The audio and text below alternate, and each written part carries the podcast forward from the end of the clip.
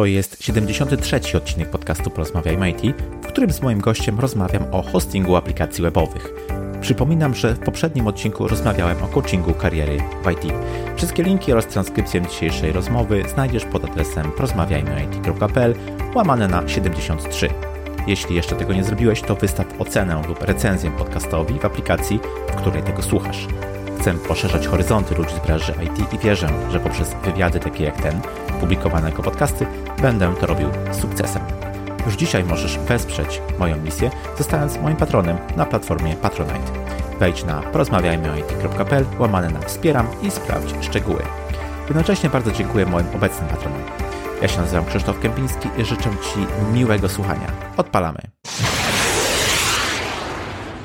Cześć, mój dzisiejszy gość to CMO w thehosting.pl, pasjonat branży hostingowej, z którą jest związany od ponad 13 lat. Swoje doświadczenie zdobywał realizując kilkanaście projektów dla firm hostingowych z Polski, m.in. dla Nazwy.pl, Zenbox.pl i zagranicy oraz tworząc własne. Od 2016 roku związany z thehosting.pl, gdzie odpowiada za rozwój biznesu ze szczególnym naciskiem na marketing i sprzedaż. Moim waszym gościem jest Łukasz Gawior. Cześć Łukasz, bardzo miło mi gościć Ciebie w podcaście. Cześć Krzyszku i witam wszystkich słuchaczy. Rozpoczniemy sobie tradycyjnym, rozluźniającym pytaniem, czy słuchasz podcastów? Jeśli tak, to jakich najczęściej? Okej, okay, a przyznam szczerze, że nie słucham wielu. E, zasadniczo, jeżeli słucham, to raczej są one związane z historią. Nie chciałbym polecać jakichś konkretnych, bardziej są to zagraniczne. Mhm. E, natomiast słucham ich raczej w formie, gdy coś muszę robić takiego typowego prywatnie na mieszkaniu, choćby sprzątając, to mhm. lubię sobie to puścić. To zacznijmy od takiego dosyć e, ogólnego pytania. E, na tę chwilę można powiedzmy wyróżnić trzy takie podstawowe metody hostowania aplikacji webowych, bo właśnie o, o hostingu aplikacji webowych będziemy dzisiaj rozmawiać. Jest to e, dedykowany hosting, współdzielony hosting powiedzmy i dajmy na to ogólnie rozumiana chmura, aczkolwiek to jest też dosyć szerokie zagadnienie. Jakie zalety i wady każdego z tych rozwiązań mógłbyś wymienić? Mhm. E, żeby przejść tak naprawdę do, do właśnie tych głównych typów hostingu pod aplikacje webowe, myślę, że trzeba e, przede wszystkim się zastanowić, mm, jakie mamy, kim jesteśmy i co chcemy tak naprawdę e, utrzymywać, bo w dużej części to zależy od wiedzy, kompetencji danego człowieka, mhm. czy też firmy, bo jeżeli potrafimy sobie skonfigurować dany serwer poprzez SSH i uruchomić na nim wszystko, to powinien to skonfigurować, zabezpieczyć, tak naprawdę, żeby to było wszystko wydajne na końcu, no to potrzebujemy jakiejś wiedzy i, być, i wielu użytkowników tak naprawdę, z którymi rozmawiamy, e, właśnie preferuje serwery, które dają po prostu e, dostęp do konsoli, są po prostu ruty. Mhm. E, dalej, perspektywy tak naprawdę, jakie stoją przed naszym projektem, czy to jest jakaś strona na WordPressie, którą możemy po prostu wyskalować, bo to jest PHP i, i, i MySQL, czy też po prostu ta technologia za chwilę może się zmienić, czy też potrzebujemy jakiejś nietypowej konfiguracji lub za chwilę możemy ją e, potrzebować. Kwestia finansów, bo e, hosting kosztuje tak naprawdę od kilku złotych miesięcznie po, po kilkaset złotych, jeżeli wybieramy serwer dedykowany, mhm. a, i też naszego czasu.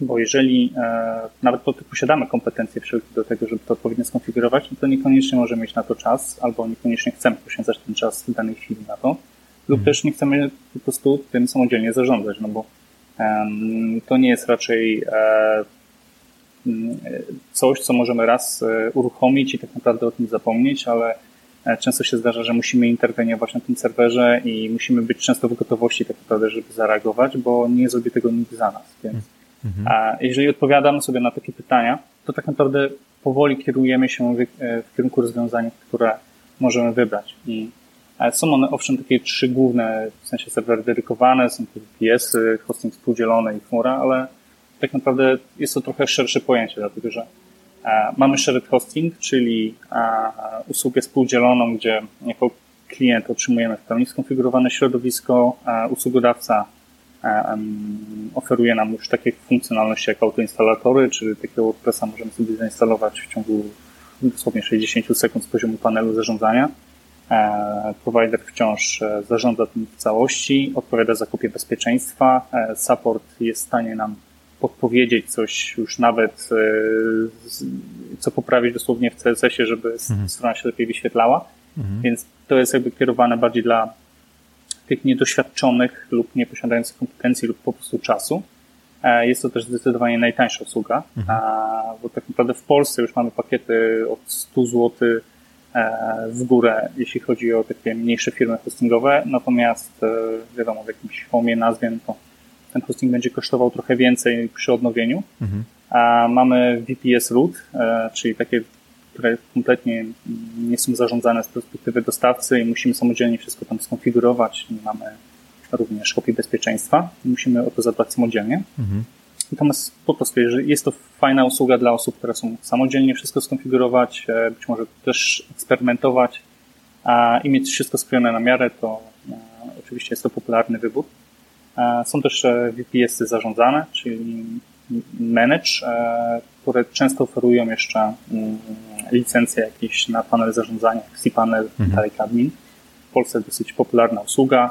Dostawca oferuje nam wciąż dostęp do roota tak naprawdę takiego serwera, natomiast e, on pilnuje tego, żeby ten serwer działał, e, on reaguje na jakieś problemy, także aktualizuje środowisko, jeżeli wychodzi nowa wersja PHP, czy jakieś tam mhm. są luki, no to po prostu dostawca jest odpowiedzialny za to, żeby tak naprawdę to wszystko działało w pełni i jest sporo firm w Polsce, które powodzeniem taką usługę oferują. Mamy serwery dedykowane właśnie, które bardzo popularny dostawca w Polsce, oczywiście OVH.pl, mhm. oferuje także Atman i kilka innych firm. Natomiast e, serwery dedykowane cechują się tym, że po prostu dostajemy e, cały serwer dla siebie. Jest to usługa zdecydowanie droższa niż serwery VPS czy shared hosting. E, pod względem zarządzania oczywiście to bardzo podobnie jak serwery root. Mhm. Także występują, występuje tutaj odmiana, gdzie są one oferowane z jakąś administracją. A mamy właśnie te mityczne chmury obliczeniowe, mhm. które są pojęciem tak. gigantycznym i bardzo szerokim. A tak, tak nawiasem mówiąc, pamiętam, pamiętam czasy, jak e, pracowałem w agencji jeszcze interaktywnej e, mhm. kilka, dobrych kilkanaście lat temu i przyszła do nas y, firma, która chciała uruchomić kampanię telewizyjną i potrzebowała zapewnić infrastrukturę pod stronę internetową. Musieliśmy zamówić e, pod tą aplikację dwa serwery dedykowane, gdzie mhm. konieczność wtedy była mm, zamówić te serwery z góry na rok. Aha. E, i kosztowało to wtedy bajeńskie sumy, e, a kampania trwała dwa tygodnie i potem ten ruch znacznie zmalał i nie było to kompletnie potrzebne, no ale takie były wtedy E, takie było otoczenie rynkowe tak naprawdę i takie były tylko możliwości, ale bardzo ciekawym jest fakt właśnie moment wybicia się chmur obliczeniowych, które właśnie odpowiadały de facto na takie potrzeby mhm. różnych projektów, które potrzebowały bardzo szybko dostępu do jakiejś mocy obliczeniowej. Tak. Chmura obliczeniowa de facto jest obecnie naj, najbardziej popularną usługą wśród dużych, dużych podmiotów. Jest ona coraz bardziej popularna tak naprawdę w Stanach Zjednoczonych, a mhm i święci tam triumfy. E, tak naprawdę są to w dużej części serwery VPS, które można uruchomić wszędzie, natomiast są one dostępne natychmiast, e, rozliczane są godzinowo, więc mhm. jesteśmy w stanie dostosować tak naprawdę i wielkość, i rodzaj tej infrastruktury do swoich potrzeb, ale wokół chmur obliczeniowych wyrosły tak naprawdę całe ekosystemy różnych usług, które są skrojone na miarę. Tak. Wystarczy wejść na Amazon Web Services i zobaczyć, e, jak szerokie jest to w tej chwili spektrum e, usług, które tak naprawdę chyba odpowiadają wszystkim potrzebom, jakie może tylko posiadać firma. Mhm. Bardzo ciekawym trendem jest tam również to, że bardzo dynamicznie rozwijają się marketplace'y wokół takich chmur obliczeniowych, mhm. gdzie można zakupić jakieś licencje na dodatkowe oprogramowanie, które będzie po prostu billingowane przez daną chmurę obliczeniową. Tak. W Polsce usługa moim zdaniem jeszcze nie tak bardzo popularna. E, w Polsce mamy naszego lokalnego dostawcę Octawave'a. Mhm. Natomiast e, przez kilka ostatnich lat nie widać jakiegoś większego progresu w rozwoju tej firmy, ale na świecie oczywiście jest e, wspomniany Amazon Web Services, jest Google, jest Microsoft. Mhm. Wyrastają wokół tego nowe projekty jak DigitalOcean choćby. Moim zdaniem no, jest to jakaś perspektywa, aby w Polsce również e, chmura była coraz bardziej popularna, pokazują to choćby zapowiadane obecnie inwestycje Microsoftu i Google'a tak. w chmurę w Polsce w ciągu najbliższych lat. Ciężko obecnie się tak odnieść, jak szybko e, stanie się powszechną usługą w Polsce, tak jak w Stanach. Mamy mhm. troszeczkę doświadczeń jak The Hosting.com w, e, w Stanach Zjednoczonych. I będąc tam na konferencjach różnych, widzimy, że nastolatkowie dosłownie wiedzą dokładnie, czym jest chmura obliczeniowa, hmm. jak ona działa i są w stanie wymieniać poszczególne firmy. Hmm. Dlatego, że po prostu system edukacji działa tam zgoła odmiennie. A oni w szkole się uczą dosłownie, jak konfigurować AWS-a hmm. i, i oni, oni mają bardzo dobrą świadomość, w jaki sposób działają poszczególne typy usług hostingowych i mhm. posiadają kompetencje do tego, żeby tak naprawdę z nimi funkcjonować. Ale mm, fajnie, żeby też wspomnieć o innych projektach, które i kategoriach usług hostingowych, które gdzieś powstają e, mhm. na boku. W Polsce nie są jeszcze popularne, ale e, myślę, że to jest kwestia czasu. Są to takie typowe hostingi specjalistyczne, bym to ujął, czyli hostingi WordPressa, dla przykładu WP Engine, mhm. które e, zarządza całkowicie środowiskiem. Jest to um, środowisko uruchomione w z chmur. Obecnie chyba głównie uruchamiają to w Google Cloud Platform. Mhm. Natomiast w pełni zarządzają Twoim WordPressem, posiadają rozwiązania, które automatycznie aktualizują WordPressa, posiadają własną nawet infrastrukturę do tego, e, własną infrastrukturę, z której pobierane są aktualizacje WordPressa, więc e, jest to naprawdę bardzo zaawansowane rozwiązanie i też drogie mm, dla tak. osób, które chcą zapomnieć o środowisku WordPressowym, po prostu z niego korzystać. Są e, też rozwiązania typu Get Flywheel, które są dedykowane tak naprawdę dla freelancerów, którzy mają swoich, swoich przepraszam, klientów mhm. dalej, e, czyli mają uproszczone kwestie związane z zarządzaniem choćby takimi klientami, e, billingowaniem ich. To jest takie połączenie hostingu um, aplikacyjnego z, z hostingiem resellerskim, czyli po prostu jesteś w stanie oferować na bazie takiej usługi mm, hosting dalej, w white labelu często, mhm. więc e, jest to też ciekawe. E, a na fali chmur już stricte wyrosły też takie rozwiązania jak na przykład Cloudways, które oferuje e, powiedzmy gigantyczny cudzysłowie nakładkę na jakąś chmurę e, obliczeniową, gdzie mhm. z poziomu mm, Cloudwaysa otrzymujemy panel podobny jak dostajemy w shared hostingu, czyli jesteśmy w stanie bardzo prosto dodać stronę internetową, ktoś pilnuje nam środowiska, to środowisko jest instalowane na Amazonie, na DigitalOcean, czy też kilku innych rozwiązaniach. Mhm. Natomiast z perspektywy takiego zwykłego użytkownika a jest to coś fajnego. I teraz jakby, jakie rozwiązanie wybrać? Mhm. Tak naprawdę no, jest to złożone. Jeżeli jest to zwykły, zwykły WordPress, jest to e, w Polsce na przykład najpopularniejszą e, platformą oczywiście jest WordPress. E, w Polsce generalnie 70% klientów, którzy posiadają jakieś usługi hostingowe, to są małe, średnie przedsiębiorstwa, więc zazwyczaj oni nie chcą budować kompetencji wokół administracji, więc mhm wykorzystują jakieś rozwiązania ala shared hosting. E, tak jak wspomniałem, rozwiązania są stosunkowo tanie, bo kosztują e, kilkaset, kilkaset złotych miesięcznie, przepraszam, rocznie. Mhm. Natomiast tutaj dochodzi problem związany z zasobami. Bardzo często, dlatego że jeżeli jesteśmy jako provider chętnie uruchamiać taki shared hosting, no to musimy jakieś ograniczenia wprowadzać na użytkowników, żeby tak naprawdę ta usługa była w stanie działać stabilnie.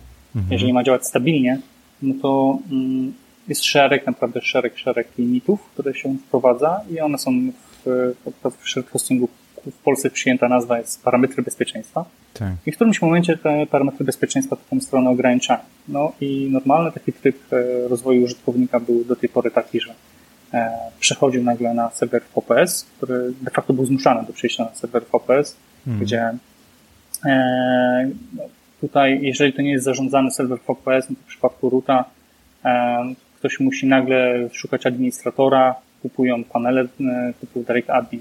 Żeby mhm. być w stanie podobnie zarządzać tą usługą, muszą się martwić o backup.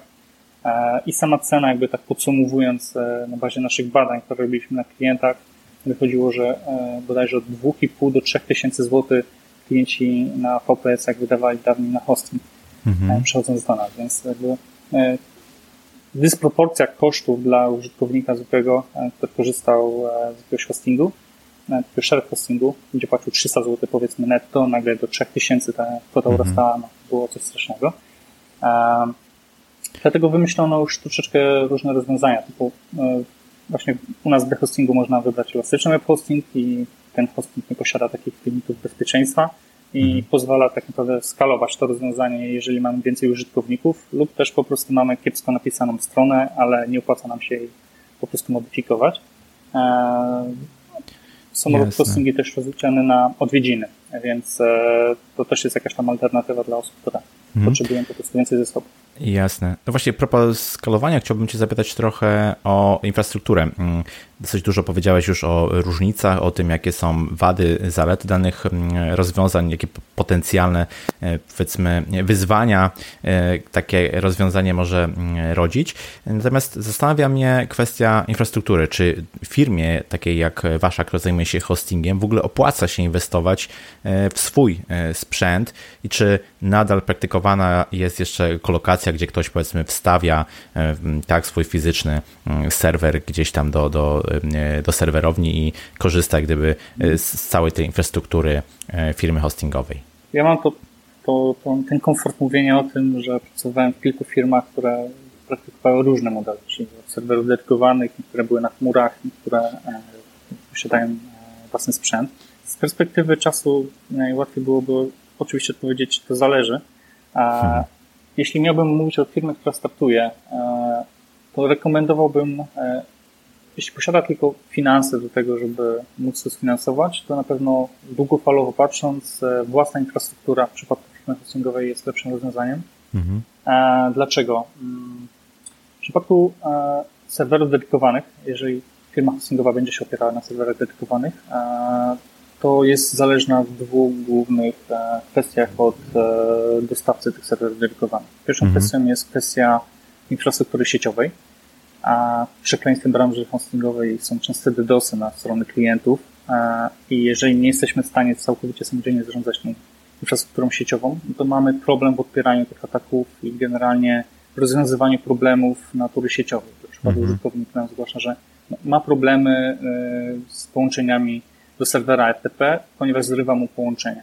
Mhm. Jeżeli mamy tutaj możliwość weryfikacji czegoś na, na, na poziomie sieci, to jesteśmy w stanie dodatkowy punkt wykluczyć ewentualnie w przypadku zgłoszenia problemu od klienta. Często może się zdarzyć tak, że właśnie jednak problem jest na sieci, ale jeżeli nie posiadamy do tego dostępu, no to jesteśmy uzależnieni od dostawcy. Ja przechodziłem różne przypadki tak naprawdę z dostawcami serwerów dedykowanych mhm. i wiem, jak potężny problem może to być, kiedy użytkownik e, albo pięciu, dziesięciu użytkowników nagle w sobotę wieczorem nam zgłasza, że mają jakieś problemy z, ze swoimi stronami, a my nie do końca jesteśmy w stanie na poziomie naszych dostępów w stanie odpowiedzieć, co się dzieje. Mhm. Więc to jest jakby według mnie e, bardzo duży mankament firm, które oferują e, usługi na serwerach dedykowanych. Druga kwestia jest po prostu związana z finansami, dlatego że po prostu bardziej ekonomicznym z perspektywy firmy hostingowej jest po prostu budowa własnej, własnej infrastruktury. Jasne. I długofalowo patrząc, wydaje mi się, że to jest po prostu optymalne i ta firma jest w stanie te środki alokować w trochę inne miejsca, choćby w administratorów. Jeszcze takim jednym argumentem dla za własną infrastrukturą jest to, że e, na przykład bardzo często u nas e, praktykowane jest to, żeby podjechać do serwerowni i coś zweryfikować lub po prostu coś wymienić i my sami jesteśmy w stanie szybko zareagować na jakieś problemy sprzętowe. Tak. E, I tutaj ponownie jesteśmy uzależnieni od serwerowni, jeżeli, e, jeżeli posiadamy serwer dedykowany, czy oni to wymienią, czy mają na pewno na stanie jakieś, jakąś część zapasową.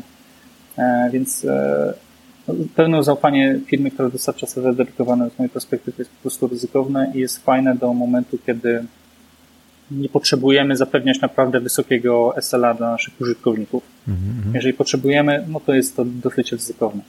Um, jako ciekawostkę dodam to, że wśród moich znajomych z branży hostingowej kilku um, rozważało przejście na chmury um, infrastrukturalne, mm-hmm. o, przepraszam, obliczeniowe i E, bo po prostu aktualnie ekonomicznie się to nie opłaca. Mhm. E, wychodzi to znacznie drożej. Natomiast e, ponownie to zależy najwyraźniej, dlatego że w Stanach Zjednoczonych na przykład wygląda to już inaczej i choćby największa firma hostingowa na świecie, GoDaddy, mhm. jest albo w trakcie, albo już przeniosła całkowicie się na Amazona. Mhm. Więc jest jakiś, jakiś trend, który warto obserwować i być może jeżeli jakieś poziomy cen się zmienią lub też po prostu będą one bardziej dostosowane do wielkości firm z Polski albo nawet naszej, to, to why not? E, jest, to, jest to jakaś droga i pewnie jakaś perspektywa na przyszłość. Jasne. A co byś doradził e, takiej firmie czy osobie, która stoi przed wyborem hosting spółdzielony kontra VPS? E, na czym powiedzmy polegają różnice i dla kogo jest każde z tych właśnie mhm. rozwiązań? Um, No tu ponownie niestety zależy, natomiast tak mówiąc na przykładach, jeżeli tworzyłbym powiedzmy stronę firmową, to nie zastanawiałbym się i zdecydowanie poszedł stronę hostingu spółdzielnego, dlatego że mhm. chcę tę stronę po prostu uruchomić i płacić stosunkowo mało.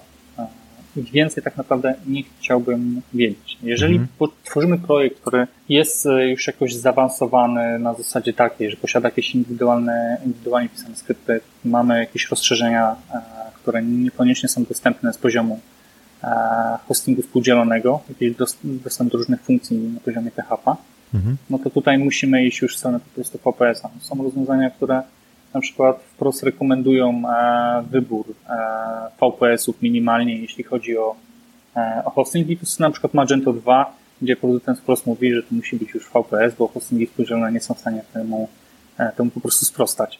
Mhm. A, więc wszystko zależy od aplikacji. Jeżeli mamy po prostu mm, zwykłą, zwykłą stronę, która naprawdę jest na popularnym CMS-ie, moim zdaniem, hosting współdzielony, tutaj też oczywiście Mm, mam na myśli może bardziej masowy hosting, dlatego że te rozwiązania, tak jak wspomniałem, są już różne, a wciąż można je charakteryzować tym, że po prostu oferują pełne zarządzanie, dostęp do panelu, e, opiekę nad kopiami bezpieczeństwa itd., tak itd. Tak Sam hosting współdzielony warto nadmienić, że to jest tak naprawdę dosyć szerokie pojęcie, dlatego że otrzymujemy tam infrastrukturę mailową, infrastrukturę bazodanową, serwer www, mhm. to się pilnuje kopii bezpieczeństwa, do tego jest to w miarę kompleksowe rozwiązanie dla, dla osób, które chcą po prostu zapomnieć. Mhm. Um, bardziej bym to klasyfikował jako taki VPS może root versus VPS zarządzany. Jasne. Po prostu root e, jest po prostu dla osób, które są świadome, mają odpowiednie kompetencje do tego, żeby to konfigurować. Natomiast zdecydowana większość e, osób po prostu tych kompetencji, wiadomo, Pewnie. po prostu nie ma. A wśród naszych klientów są też często ludzie, którzy po prostu są administratorami, ale nie chcą się w to bawić. No tak, okej, okay, dzięki za te porady. E, zapytam Cię właśnie teraz o osoby, które zajmują się e, takim hostingiem, czy w ogóle powiedzmy działają w branży hostingowej. Jakie mhm. role i specjalizacje można byłoby wymienić? To zależy od poziomu wielkości firmy, bym to wymienił. Na mhm. początku mhm. takim klasycznym przykładem na start firmy hostingowej w Polsce jest e, pan właściciel, który jest panem administratorem, panem od wsparcia technicznego i mhm. marketingiem zarazem. E, to jest taki typowy naprawdę przekrój e, firm hostingowych w Polsce, tych największych, mniejszych, które tak naprawdę zazwyczaj rozum się z tego, że jest jakiś administrator, który zaczyna tworzyć hosting i w miarę upływu czasu jest coraz większe, coraz większe, zatrudnia pierwszą osobę do do supportu, do pomocy. Zazwyczaj ta osoba mhm. jest też jakimś administratorem. I z biegiem lat tak naprawdę też zespoły się zwiększają. No, tak jak wspomniałem, firma hostingowa to jest dosyć, e, ma dosyć szerokie kompetencje. No, w firmach, które są już duże, oczywiście są e, DevOpsi, e, są, są administratorzy tacy typowi od Linuxa, są sieciowcy. Mhm. Dalej, w zależności od tego, E, czy firma hostingowa bazuje na, na jakimś gotowym rozwiązaniu jak cPanel, czy też po prostu um, posiada tak naprawdę całkowicie własne rozwiązania, jak na przykład nasza, a potrzebujemy mieć szereg e, nie tylko administratorów, ale cały zespół deweloperski, który tak naprawdę mhm. odpowiada za to, żeby utrzymywać nasze narzędzia wewnętrzne, dostosowywać je do skali, którą mamy aktualnie, bo tak jak pewnie w wielu różnych firmach to, co mamy w tej chwili i ono i to działa, niekoniecznie będzie działało, jak dojdzie nam kolejne 10 tysięcy użytkowników, więc no, z, biegiem, z biegiem czasu tak naprawdę się to zmienia. U nas e, jest zespół e, deweloperski, jest zespół administratorów, jest też zespół e, wsparcia klienta i to nie jest, wydaje mi się, też dostrzegalne tak z perspektywy klientów, rynku, jak to w praktyce wygląda, dlatego że mhm. support w firmie hostingowej, jak nasza na przykład, jest zbudowany z kilku linii, E, i specjalizacji. Są, e, są takie, jest pierwsza linia, która ma pojęcie e, dosyć zaawansowane jak na klientów, natomiast jest to dosyć podstawowy, podstawowy poziom zaawansowania, gdzie, użytkownicy, gdzie użytkownicy wiedzą, mhm. rozumienie jako nasi pracownicy oczywiście. Jak działają strony internetowe, mają jakieś podstawy CSS-ów, HTML-a, dokładnie znają sposób i cykle życia domen i inne. Mhm. Natomiast nie posiadają wiedzy na przykład z zakresu CMS-ów, więc e, nasi użytkownicy, jak i ogólnie na, w branży hostingowej, dosyć zmienili swoje oczekiwania. Dawniej to wyglądało tak, że użytkownik przychodził ze stroną internetową, ponieważ ktoś mu ją stworzył, a aktualnie często tak. użytkownicy przychodzą zainstalować stronę internetową, bo hosting to udostępnia, więc mhm. zmieniło się postrzeganie firmy hostingowej, która nie jest już po prostu e, infrastrukturą, a jest też dostawcą tej końcowej potrzeby, jaką jest strona internetowa. Mhm, więc mhm. jeżeli e, poszło to w tym kierunku, no to klienci mają też oczekiwania e, właśnie z zakresu wsparcia tych CMS-ów, więc e, mają pytania dosyć zaawansowane na temat WordPressów, konfiguracji Jasne. tych WordPressów, bezpieczeństwa WordPressów i też innych oczywiście CMS-ów. A myślisz, że taki dział e, supportu to jest coś, co lepiej zbudować wewnętrznie, jak gdyby te kompetencje zatrzymując, jak gdyby też wewnątrz firmy, czy, czy no nie wiem, ma sens gdzieś wydzierżawianie tego na zewnątrz, korzystanie z usług osobnej firmy, która taki support może e, świadczyć 24 na 7? Myślę, że jeśli ktoś się decyduje na zewnętrzny support, to przede wszystkim kieruje się kwestiami optymalizacji finansów. Mhm. E, po prostu byłoby to tańsze na początku. Natomiast e, nie sądzę, że to jest dobre rozwiązanie. Sam akurat we własnym projekcie outsourcowałem e, wsparcie klienta i porównując to z in-house'owym miało swoje duże wady. Mhm. Oczywiście to przede wszystkim zależy na kogo trafimy, natomiast jeżeli E, ten support miałby pokrywać 24 e, na 7, e, no to de facto musi być za tym supportem w praktyce wiele, wiele osób, które są w gotowości do pracy, prawda? Muszą być mhm. dostępni o różnych godzinach, sobota, nie sobota, niedziela, nie niedziela. Muszą zareagować na ticket klienta. Żeby to było możliwe, no wystawiam bardzo fajną fakturę, więc -hmm. jest to bardzo, bardzo droga usługa po prostu, jeśli chodzi o outsourcowanie supportu i często po prostu zależy od kompetencji i zaufania do danej firmy. Z mojej perspektywy e, nie wyobrażam sobie tego, mhm. dlatego że no, długofalowo chcemy, żeby nasza firma była, miała jakieś jądro, takie swoje, swoją kulturę organizacyjną, e, żeby ci ludzie w coś wierzyli i przekazywali to swoim klientom. Mhm. E, więc uważam, że tylko i wyłącznie jesteśmy w stanie jako firma stworzyć odpowiednią kulturę organizacyjną wtedy, kiedy mamy to wszystko po prostu u siebie i sami nie odpowiadamy za to, w jaki sposób komunikujemy się z klientami. Jasne, ma to sens. A zmienię chwilę temat na e, wątek, który kilka razy się tu przewinął, wspomniałeś parę razy o e, bezpieczeństwie. Chciałem Cię zapytać, hmm. jaka jest w ogóle skala tego wyzwania, z czym taka firma hostingowa się mierzy właśnie w obszarze bezpieczeństwa i jak powiedzmy zapobiega się atakom? W naszym przypadku, znaczy w przypadku naszym rozumieniu branży hostingowej, hostingu masowego. E, są to przede wszystkim na taki DDoS, mhm. na stronę klientów, ale też bezpośrednio na nas e, i zawirusowania stron internetowych, czy też włamania na strony internetowe. Więc e, jeśli chodzi o DDoSy tak naprawdę, to przede wszystkim potrzebna jest kwestia związana z własną infrastrukturą sieciową, i tak naprawdę odpowiednie reagowanie na to, czyli odpowiedni monitoring, być może komercyjne rozwiązania, które tak mhm. naprawdę będą w stanie nas obronić przed takimi atakami.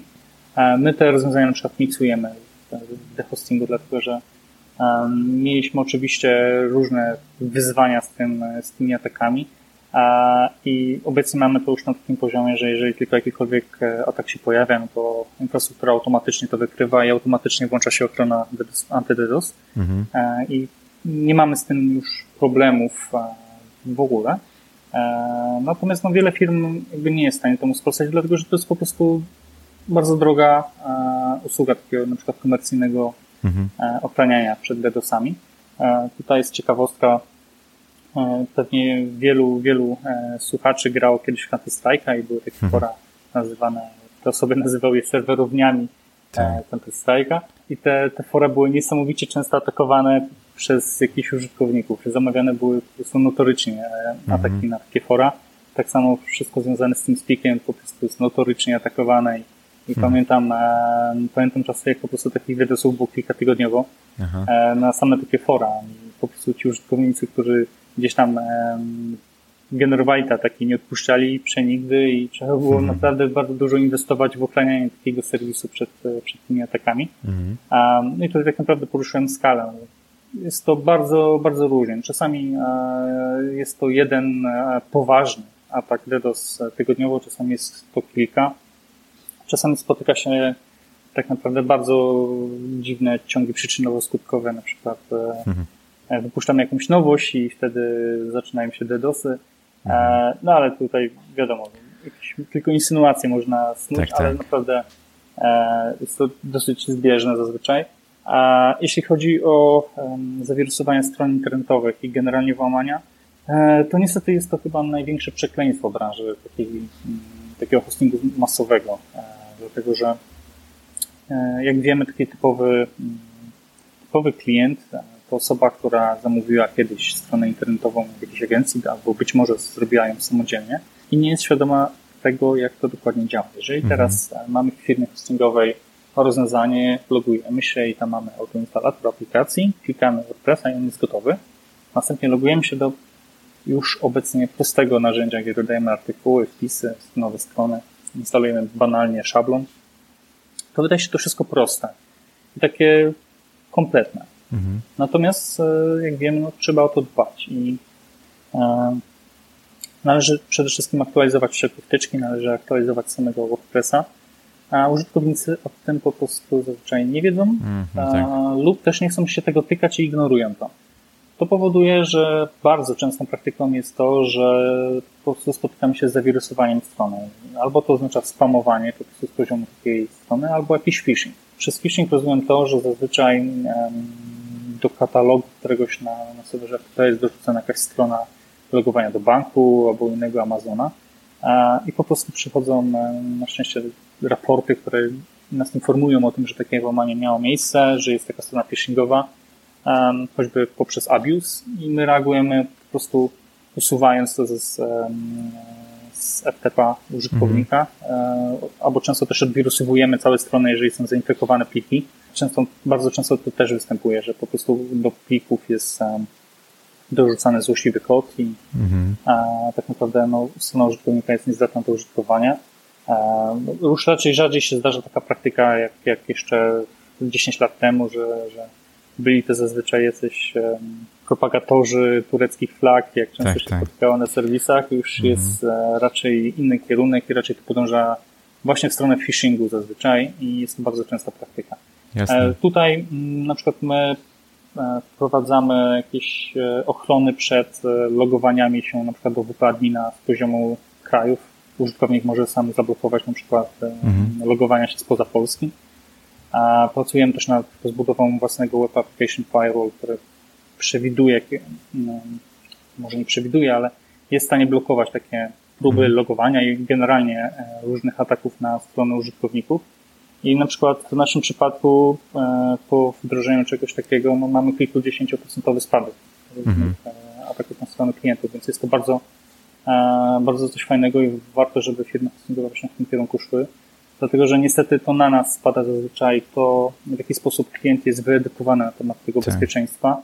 A też należy pamiętać o tym, że um, użytkownik, jeżeli po prostu posiada stronę internetową, dla przykładu, ja tu zawsze przytaczam ten przykład, że jest jakiś mietek mechanik, który w tej chwili naprawia jakieś hmm. Audi, bo klocki trzeba wymienić i nagle jakiś hosting mu pisze, że tam ma włamanie to nie wie o co chodzi po prostu tak. i zazwyczaj wini ten hosting, no bo to jest jedyny punkt styku z tą mhm. stroną internetową. Tam płaci raz na rok i kurczę, co, tu, co wy mi tutaj zrobiliście, prawda?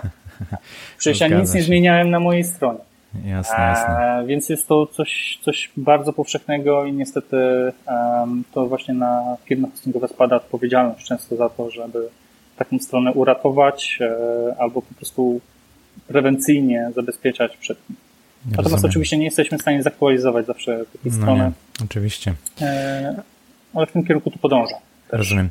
Okej, okay, to jeśli ten Mietek mimo wszystko będzie bardzo niezadowolony z poziomu usług świadczonych przez firmę hostingową, zawsze może, mm, albo powiedzmy najczęściej może tego prowajdera usług hostingowych sobie zmienić. Mhm. Czy to jest coś, e, w czym on może liczyć na pomoc powiedzmy jednej i drugiej strony, które no w jakiś sposób mm, być może muszą być właśnie zaangażowane w ten proces? Wygląda bardzo podobnie jak e, w branży hostingowej, to wygląda bardzo podobnie jak w przypadku telekomunikacji. E, dlatego, że tak jak sobie przypomnimy mhm. jeszcze kilka, kilka dobrych lat temu, zanim wszedł na rynek Play, żeby przenieść numer pomiędzy powiedzmy ideą a tam erą, czy tam innym plusem, mhm. no tak naprawdę to było przejście przez mękę. Telefon, tak. numer był nieaktywny, trzeba było jakieś wnioski papierowe wypełniać i nagle się pojawił z tego nowego Play i zaczęto te regulacje zmieniać i obecnie mamy e, przynosiny tych numerów w bardzo prosty, w prosty sposób wykonywalne i zajmują one bardzo mało czasu. I bardzo podobnie jest na rynku hostingowym. Bardzo e, Proces jest, jak wiadomo, skomplikowany. Trzeba było przenosić bazy danych, trzeba przynieść maile użytkownika, pliki, mhm. trzeba odzwierciedlić e, konfiguracje. Poszczególne platformy hostingowe się różnią, więc choćby e, mogą być inne prefiksy baz danych na jednym hostingu, mhm. jakieś zdefiniowane, na innym nie, albo na innym jeszcze inne, więc zwykły użytkownik zazwyczaj nawet w tej chwili przy obecnym poziomie świadomości nie jest w stanie się przenosić, dlatego że po prostu ma jakieś trudności. Tak. E, logowanie do PHP Gmina naprawdę wykonuje dosyć mało użytkowników, więc e, nie jest to coś, co mhm. mogą sobie pomodyfikować w bazie danych. Mhm. Więc e, obecnie, tak jak wspomniałem o Playu, który wszedł na rynek komunikacji, w Polsce też była taka firma, która zaczęła jako pierwsza to robić. Bardzo szybko tą e, praktykę podchwyciły inne firmy. Mhm. I od tego momentu możemy mówić, że właśnie rozpoczęło się migrowanie pomiędzy firmami hostingowymi. Tutaj warto dodać, że e, rynek hostingowy w Polsce e, przestał się tak dynamicznie rozwijać e, w sposób organiczny, tak jak to było jeszcze kilka lat temu. Jak popatrzymy nawet w statystyki NASKU, jeśli chodzi o rejestr domen polskich, to praktycznie stoi on w miejscu od dobrych kilku lat. Mhm. Więc jakby to też pokazuje, że mm, no, tacy zwykli użytkownicy, bo ilość firm, która już założyła strony internetowe, to już e, raczej jest pieśń przyszłości, że to wzrastało e, o kilkadziesiąt procent w skali roku.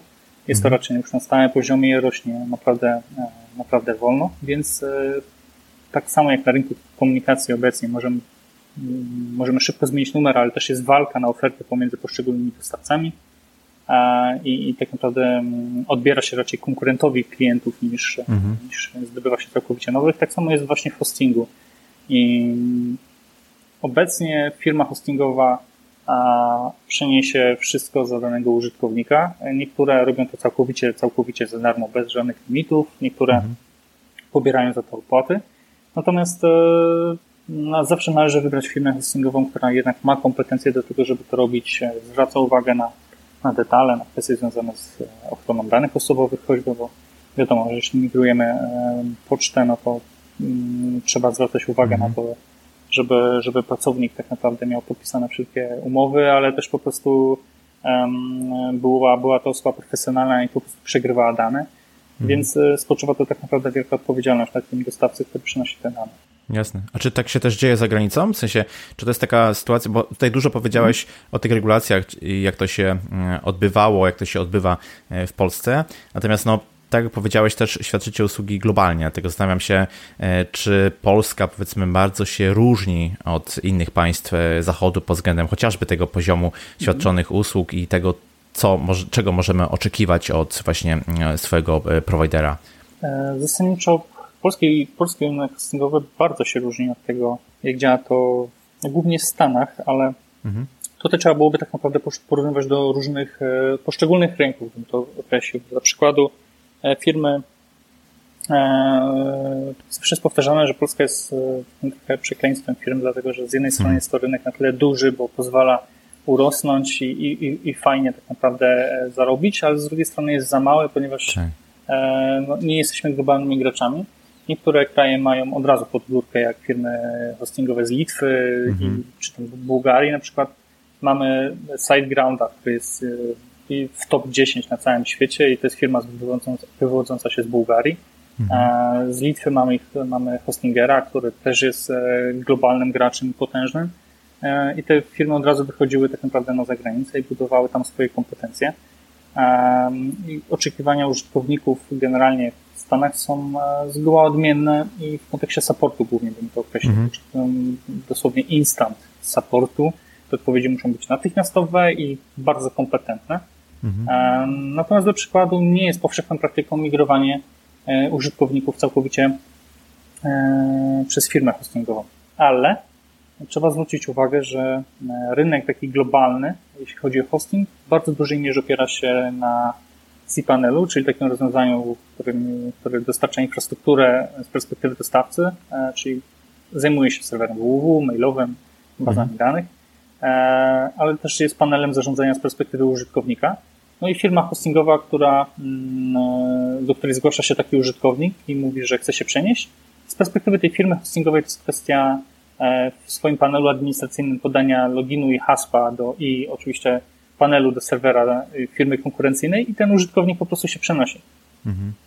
Więc jest to po prostu e, no, bardzo uproszczone, jeżeli wszyscy korzystają z tej samej platformy dokładnie, to, to jest kwestia przeniesienia tak naprawdę całego tego konta i to rozwiązanie to umożliwia.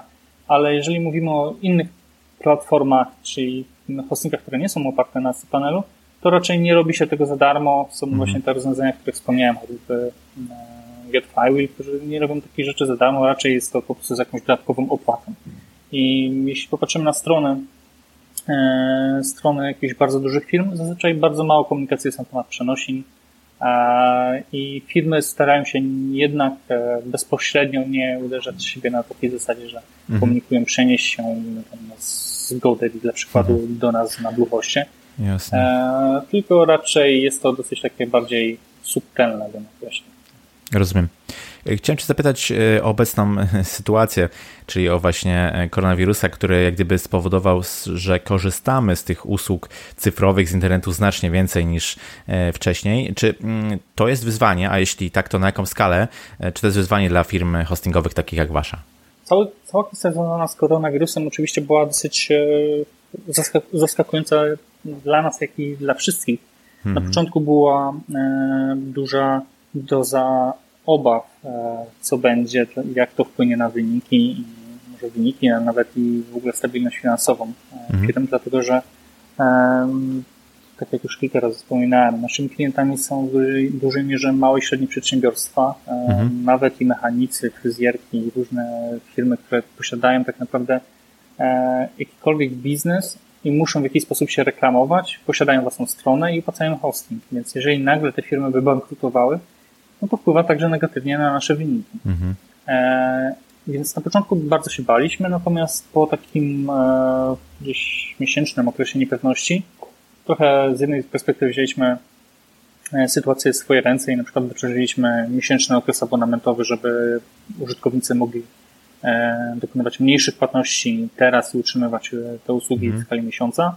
A z drugiej strony zauważyliśmy po prostu też, e, po prostu, że wpływa to korzystnie na, na cały e-commerce i ekosystem związany właśnie z aplikacjami webowymi. Po prostu mhm. więcej osób zaczęło zakładać strony internetowe lub też po prostu ograniczali koszty przechodząc od drogich dostawców do, do na przykład do nas, gdzie mamy ceny gdzieś tam wyśrodkowane, bym powiedział, jeśli chodzi o rynek.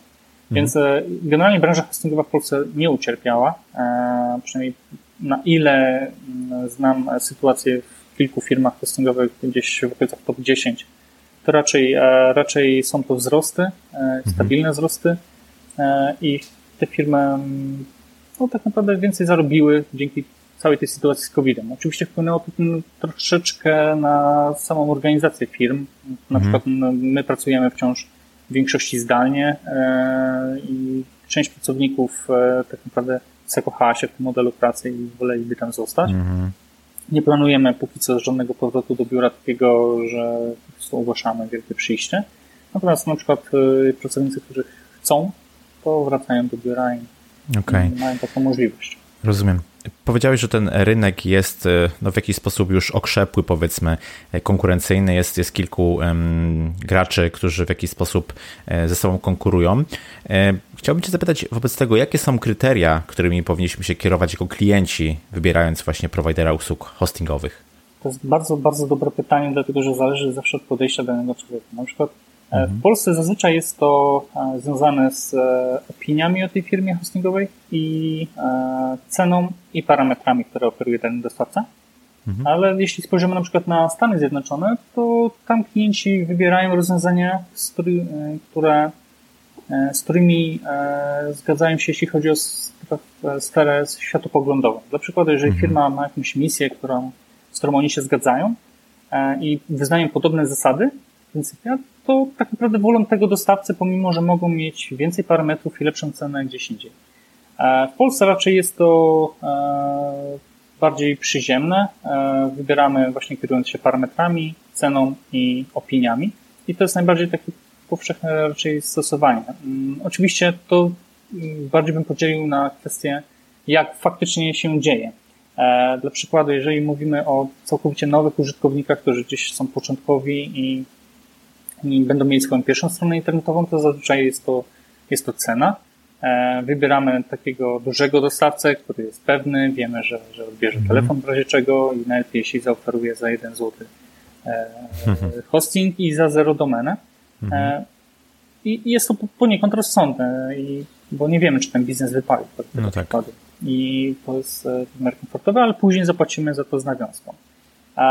Natomiast bardzo dużo firm jest wybieranych jako tak naprawdę pozycja w momencie, kiedy przychodzi do odnowienia usługi. Dla przykładu mhm.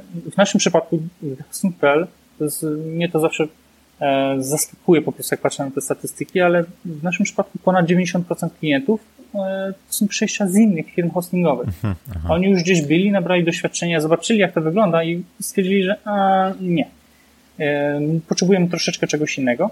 I wśród tych firm raczej nie takich właśnie z top 3, ale top 10 to te pozostałe pozycje, czyli od 7 do 10 zazwyczaj e, większość, e, większość swojej sprzedaży generują na klientach, którzy e, mhm. przychodzą z tych z top 3.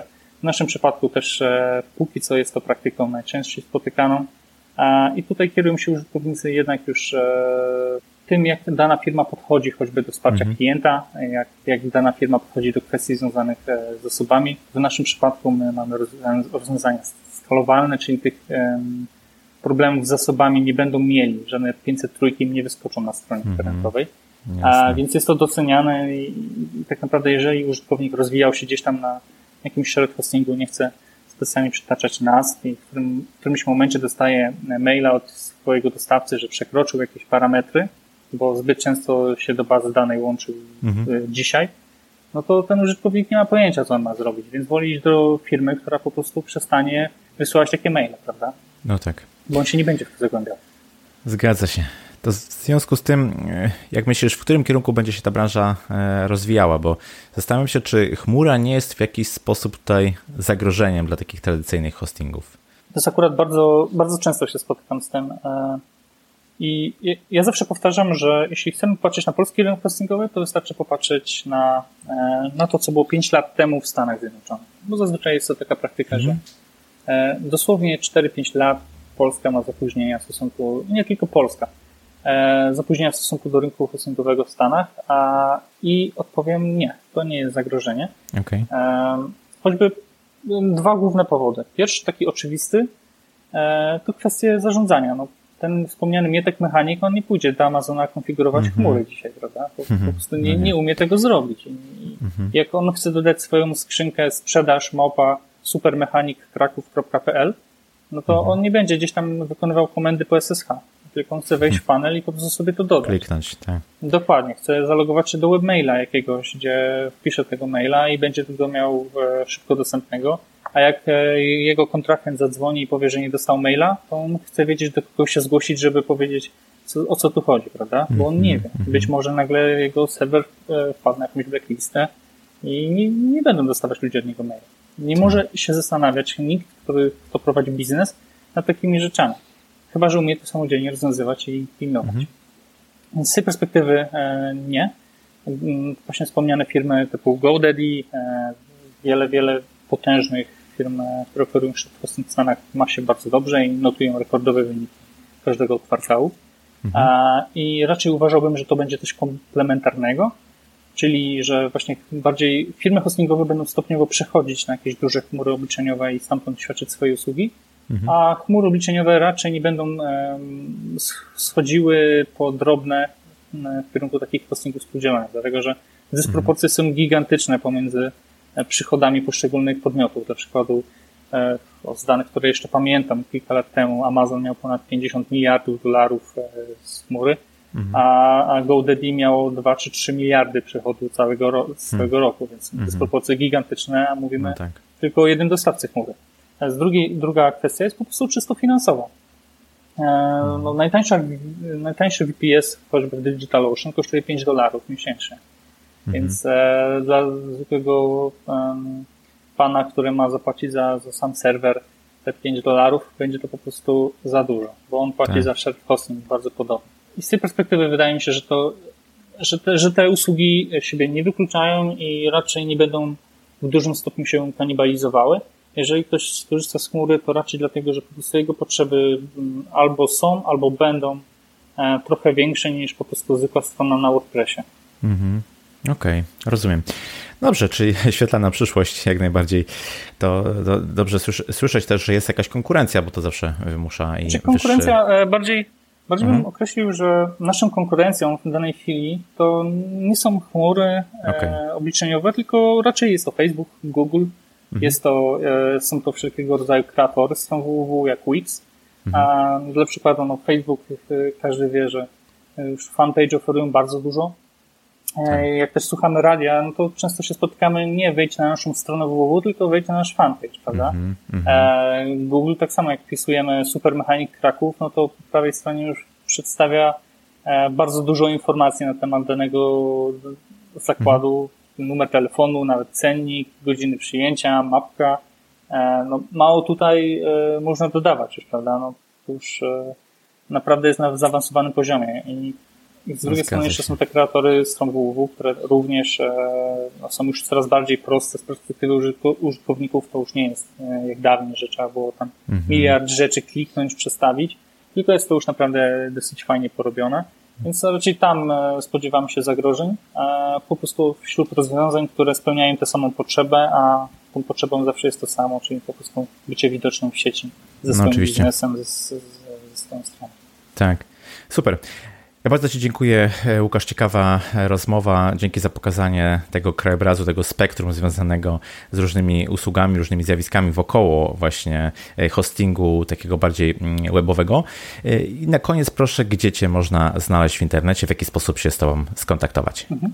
Zawsze zachęcam do kontaktu przez LinkedIn, Facebook. Tam zawsze jestem dostępny, wpisuję wszystkim tym, którzy chcieliby jakieś tam tematy porozmawiać. Super, oczywiście te linki wszystkie dodam do notatki, do odcinka. Ze swojej strony jeszcze raz bardzo Ci dziękuję. No i do usłyszenia. Cześć. Dziękuję, cześć. I to na tyle z tego, co przygotowałem dla Ciebie na dzisiaj. Mam nadzieję, że teraz temat hostingu aplikacji webowych jest Ci bliższy i masz lepsze rozeznanie w opcjach dostępnych na rynku.